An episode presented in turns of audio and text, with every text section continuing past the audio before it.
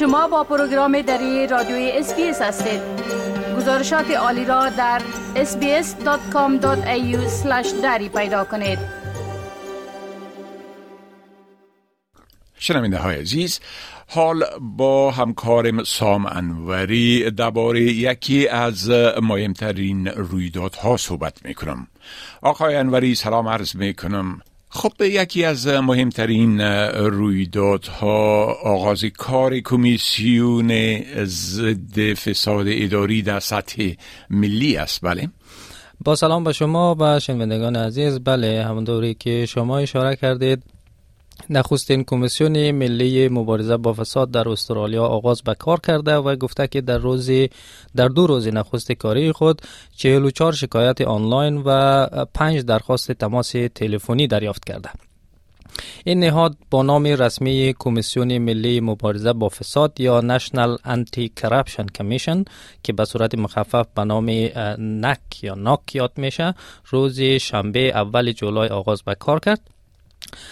پول برارتون رئیس ای کمیسیون تازه تأسیس در نخستین جلسه رسمی آن که روز دوشنبه دایر شد به سیاستمداران فدرال هشدار داد که هر گونه تلاش بیهوده برای استفاده ابزاری از این کمیسیون به قیمت آبرویشان تمام خواهد شد. او گفت که آرزو داره این کمیسیون نقش سازنده ای را در ماشین دموکراسی استرالیا بازی کنه و مورد احترام واقع شود. آقای برارتون همچنین گفت که می خواهد کمیسیون به نترسی و انصاف استقلال و بیطرفی خود شهره شود و اگرچه قانون به آنها اختیارات بزرگ داده ولی این اختیارات مسئولیت های بزرگ را هم به همراه دارد بله. خب ای را می‌تونین بگوین که این کمیسیون چین و صلاحیت های خود داشت؟ خب این کمیسیون صلاحیت ای داره که در تمام دستگاه های دولتی استرالیا را زیر زربین بگیره. به این معنا که کمیسیون می‌تونه سیاست مداران فدرال کارمندان اونها کارمندان ادارات دولتی و هر گروهی را که با دولت قرارداد داشته باشه مورد بازخواست قرار بده. یک کمیسیون قدرت ای را داره که خودش تحقیقات را در مورد فساد آغاز کنه یا در مورد مواردی که از طرف مردم یا ادارات دولتی به کمیسیون ارجاع میشه تحقیق کنه. می‌تونه با دریافت حکم محکمه مکالمات تلفنی افراد را شنود کنه و از دستگاه های نظارتی استفاده کنه.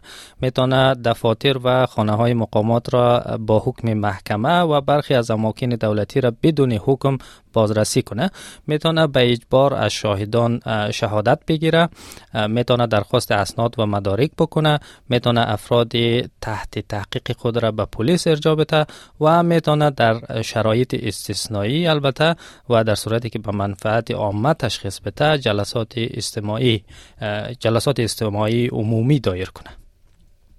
بله خب درباره ارجای قضیه ها گفتین. چی کسانی می‌تونن که قضیه ها و اتهامات یا شکایت ها را به کمیسیون ملی مبارزه با فساد ارجاع بکنن هر عضو جامعه می‌تونه که موارد یا قضایای فساد آلود را در دستگاه های دولتی به یک کمیسیون ارجاع بده و کمیسیون بعدش تصمیم می‌گیره که در که مورد یا قضیه ارجاع شده را پیگیری کنه یا نکنه. کمیسیون هم مانند هر نهاد بررسی کننده دیگر منابع محدود داره بنابراین رئیس کمیسیون گفت که ادعاهایی را که بر شرایط فعلی تاثیر دارند بر اتهامات تاریخی ترجیح خواهند داد.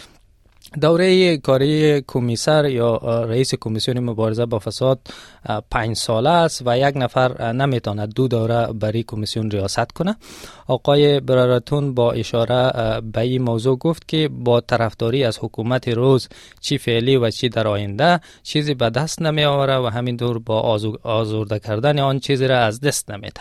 این کمیسیون نمی‌تونه که به تنهایی خود کسی را روانی زندان کنه اما می‌تونه بعد از کامل کردن تحقیقات خود در صورتی که لازم ببینه افراد تحت تحقیق خود را به پلیس معرفی کنه که البته پلیس به نوبه خود تحقیقات خود را راه اندازی می‌کنه و در صورت داشتن ثبوت کافی فرد را به محکمه میکشانه.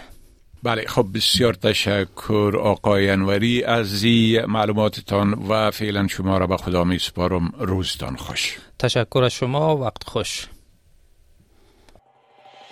می خواهید این گونه گزارش ها را بیشتر بشنوید؟ با این گزارشات از طریق Apple Podcast، Google Podcast، Spotify و یا هر جایی که پادکاستتان را می گیرید گوش دهید.